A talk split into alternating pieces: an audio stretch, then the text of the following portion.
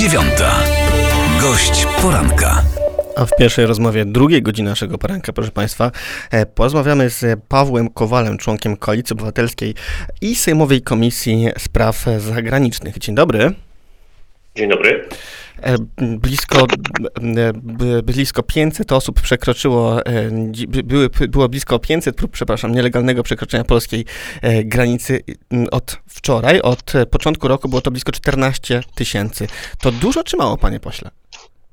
No pytanie, dlaczego my się teraz dopiero o tym dowiadujemy, ponieważ myślę, że wszyscy nasi słuchacze bez mała, z wyjątkiem tych, którzy są naprawdę, nie wiem, powiązani na przykład rodzinnie z funkcjonariuszami Straży Granicznej i coś wiedzieli nie, nieoficjalnie, wszyscy żeśmy sądzili, że granica jest dużo lepiej chroniona, więc To jest akurat E. informacja bardzo publiczna, podana e, szeroko Teraz. w mediach. Wczoraj Teraz. wieczorem. Tak. No właśnie, a miesiąc temu nie było takich przekroczeń, a dwa miesiące temu.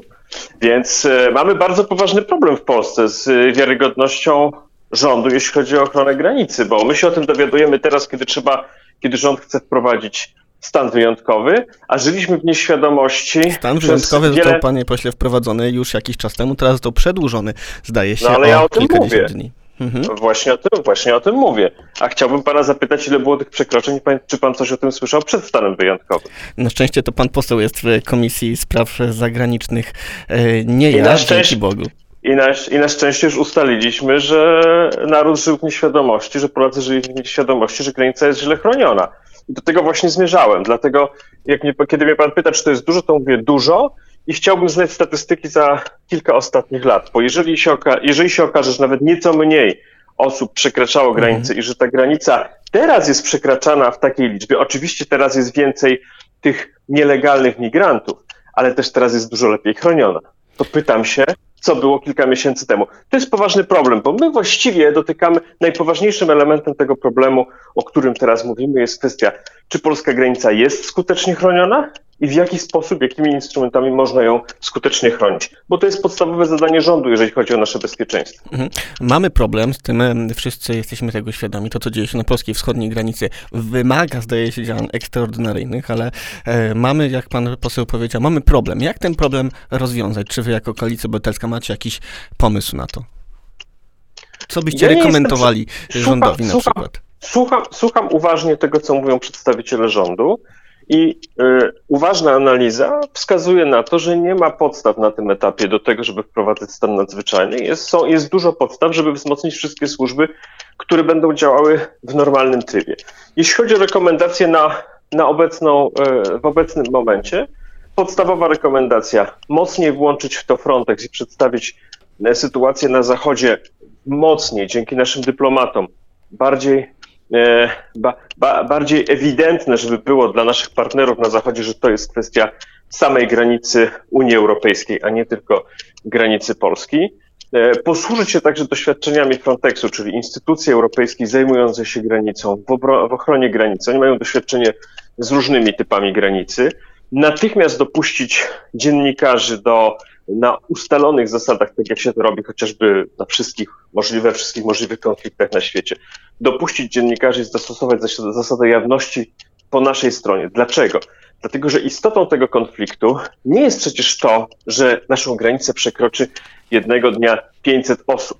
To jest bardzo dużo, ale przecież tak nie będzie stale. Istotą tego konfliktu, jeżeli mówimy już w ogóle o wojnie, bo niektórzy tak już w tej chwili mówią, co jest pewną przesadą, to ta wojna toczy się w innym miejscu. Ona się faktycznie toczy, toczy w sferze informacyjnej. I my musimy to rozumieć, że chodzi o to, że Putin, wykorzystując Łukaszenkę, chce zastraszyć zachodnie społeczeństwa. Chce pokazać, że jest silniejszy.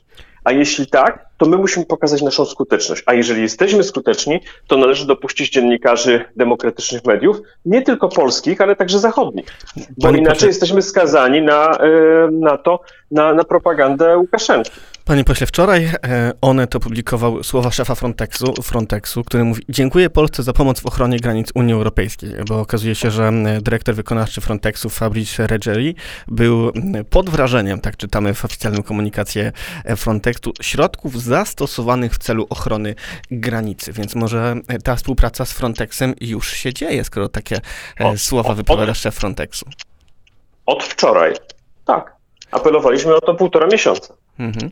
A czy, mm, bo zdaje się, że to jest kolejne pytanie, które się wobec tej sytuacji e, rodzi. No, to jest sytuacja, z której m, mm, chyba nie mieliśmy do czynienia wcześniej w historii Polski, takiego wzmożenia na wschodniej polskiej granicy. Może stąd wynika jakiegoś rodzaju m, mm, spowolnienie czy poszukiwanie nowych dróg wyjścia, która się teraz e, wydarza. Ale e, o którym elemencie pan mówi? Ponieważ to że, to, że ta wojna się toczy w sferze informacyjnej, to zapyta pan każdego eksperta i pan to powie. Nie ma sensu podkrę podkręcać strachu ludzi dodatkowo, co robią przedstawiciele rządu. Dlatego, że na tym etapie i w takiej skali jak obecnie służby takiego dużego państwa jak Polska powinny sobie z tym poradzić. A jedynie co można robić, to uprzedzać ewentualną eskalację mm, e, liczby tych osób, które podchodzą do granicy, migrantów, poprzez właśnie współpracę z Frontexem. Natomiast trzeba rozumieć podstawową rzecz, że instrumentem w tej wojnie nie są czołgi, nie są działa, są media. I dlatego wolne media muszą mieć możliwość weryfikowania wszystkich informacji, szczególnie kiedy się okazuje, że nie wszystkie dane podawane przez rząd czy szczegóły się zgadzały z rzeczywistością. E, podaliśmy na początku liczbę migrantów. E, teraz e, to, że szef Frontexu wizytował w tą granicę w końcu. Faktycznie ta liczba migrantów wzrasta. Czytamy doniesienia o tym, że chociażby na ulicach białoruskich miast samych migrantów jest coraz więcej w mediach społecznościowych. Czyli w kontekście wojny informacyjnej, o której pan poseł mówi, widzimy również wzmożenie. Natomiast ja cały czas zastanawiam się, czy ta ten konflikt jest możliwy w jakiś sposób do wygaszenia, bo jak rozumiem, on jest e, na rękę dyktatorowi e, Łukaszence, no, jest na rękę dyktatorowi Władimirowi Putinowi. E, polska strona starać się powinna w jakiś sposób ten konflikt pewnie wygaszać. Zdaje się jednak, że wbrew temu, co pan poseł mówi, mamy wsparcie instytucji unijnych. Widać też zmianę polityki Unii Europejskiej w stosunku do migrantów. Jak, jak pan poseł prognozuje przyszłość tego, co się będzie działo na polskiej wschodniej granicy? Nie, nie wbrew temu, co ja mówię. Ja nie mówiłem, że nie mamy wsparcia. Ja mówiłem, że nasza postawa jest niewłaściwa. Natomiast jeśli chodzi o poglądy instytucji unijnych, ja się z nimi w 100% zgadzam. Sądzę, że niektórzy członkowie rządu też się z nim zgadzają, tylko ze zbyt dużym opóźnieniem reagują i nieadekwatnie. I to tyle. Natomiast e, jeżeli chodzi o Łukaszenkę, on jest, on jest, on jest swego rodzaju Asadem Europy Środkowej, no bo on jest w sytuacji, w której on nie może być już zaakceptowany przez wspólnotę międzynarodową, ale utrzymał się u władzy i wymyślił sobie podobnie jak Assad e, po, e, po tym, jak już został, e, jak, jak, już, jak już przestał być uznawany przez wspólnotę międzynarodową w Syrii, że jego elementem gry będą uchodźcy. To jest mechanizm dość prosty, natomiast zasoby Łukaszenki są mniejsze niż zasoby Asada. On korzysta z tego samego, z czego korzystał Assad, czyli e, z poparcia, e, z poparcia Rosji i z wywoływania strachu e, w Europie. Myślę jednak, że tutaj niekoniecznie musi się zdarzyć ten najczarniejszy scenariusz. Rząd, służby powinny być gotowe na najczarniejszy scenariusz, ale ja nie, nie czyli jaki? Najcza, najczarniejszy no taki, dla Polski. Mhm. Taki, że będziemy mieli bardzo dużą eskalację, na przykład kilka tysięcy osób dziennie, mhm na, na granicy, czyli że nie będzie możliwości chronienia granicy inaczej tylko przez jakąś cywilną barierę, prawda? Ale myślę, że do takiego scenariusza raczej nie dojdzie. Nie ma co ludzi tym straszyć.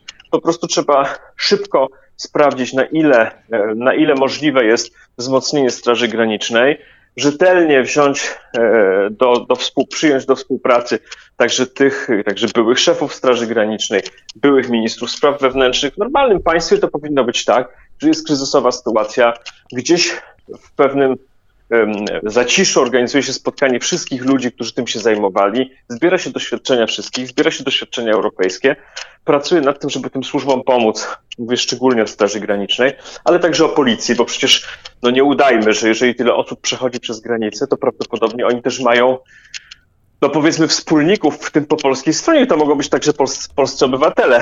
Powiedzmy to sobie szczerze, bo kiedy pan podaje liczby kilkaset osób i obaj już ustaliliśmy, że pewnie tak już było wcześniej, no to przecież ten przerzut osób y, ze wschodu do Unii Europejskiej musiał się odbywać też przy jakiejś, przy jakiejś znaczącej grupie osób po polskiej stronie. Mhm. Jest pan w końcu zastępcą przewodniczącego Sejmowej Komisji do Spraw, e, za, spraw Zagranicznych. Co wobec tego w kontekście tej sytuacji na polskiej wschodniej granicy przyszłości chociażby tego Łukaszenki i tego, co się wydarzy na Białorusi, e, się dzieje. Chce mi pan powiedzieć, że nie ma mi i naszym słuchaczom, że takich dyskusji między, e, między panami, paniami posłami, posłankami nie ma, nie ma wymiany informacji między rządem a opozycją, a opozycją, która proponuje dobre rozwiązania, która wskazuje pewnego rodzaju możliwości działania? Akurat do tej sprawy bardziej właściwa jest Komisja Spraw Wewnętrznych albo Komisja Służb Specjalnych, a przede wszystkim Rada Bezpieczeństwa Narodowego. Ja mówiłem o tym ostatnio w Sejmie, że uważam, że są momenty, no jeżeli, jeżeli przedstawiciele rządu mówią, że sytuacja jest nadzwyczajna, no to trzeba podejść do niej w nadzwyczajny sposób i uważam, że prezydent powinien odmrozić Radę Bezpieczeństwa Narodowego, Dodatkowo powinna być już ta komisja służb specjalnych. Te dane, które są istotne dla wyrobienia sobie opinii o skali zagrożenia, powinny być przekazywane na poważnie, więc e, też w pewnej dyskrecji, bo nie wszystkie z tych danych powinny być, e, nie wszystkie z tych danych powinny być podawane publicznie w, w, w mediach. Tak, tak się powinno stać. I wie pan, ja ciągle liczę, że tak się stanie. To znaczy, że e, powaga sytuacji, bo sytuacja jest poważna, My się różnimy co do tego, jak na nią należy reagować, ale sytuacja jest poważna, że powaga sytuacji zmobilizuje wszystkich do takiego działania. Mm, a w takim razie, bo zdaje się, że wielu naszych słuchaczy, ale też wielu rozmówców osobistych, tak pojawia się ten temat teraz na, w, w dyskursie publicznym.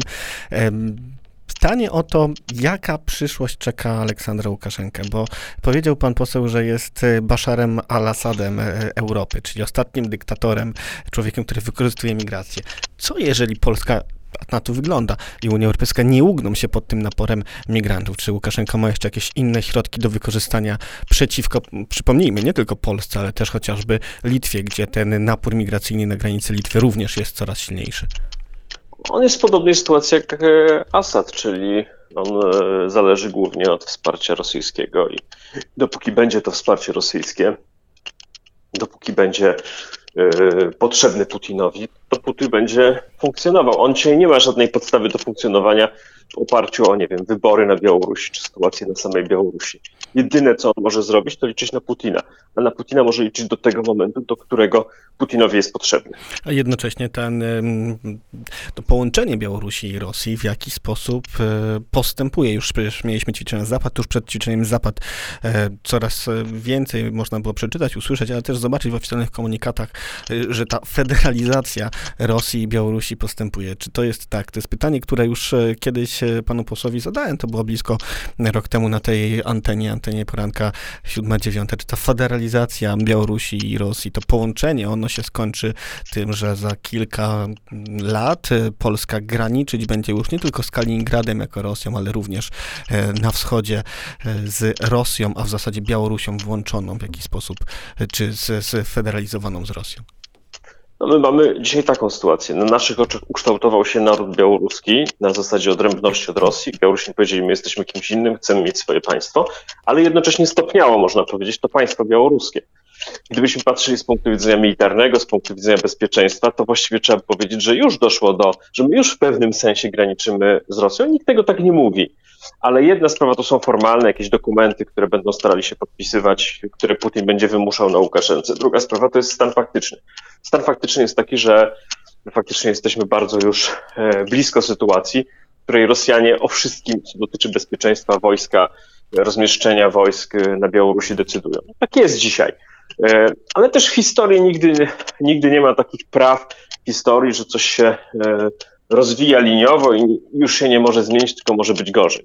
Wszystko zależy na przykład od sytuacji wewnątrz Rosji, zależy od tego, na ile Putin będzie sobie w stanie poradzić z problemami gospodarczymi, na ile otoczenie Putina będzie gotowe go utrzymywać i tak dalej, i tak dalej. Także tych elementów, ja właśnie nie, nie, nie lubię tutaj siać paniki, prawda? Bo tych elementów w polityce, które mogą wpłynąć na zmianę sytuacji jest znacznie więcej i mogą zaskoczyć samego Putina.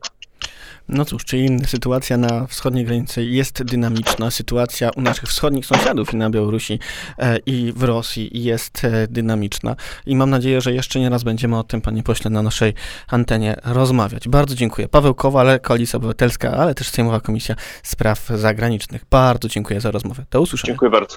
Pozdrawiam. Siódma, dziewiąta. Gość poranka.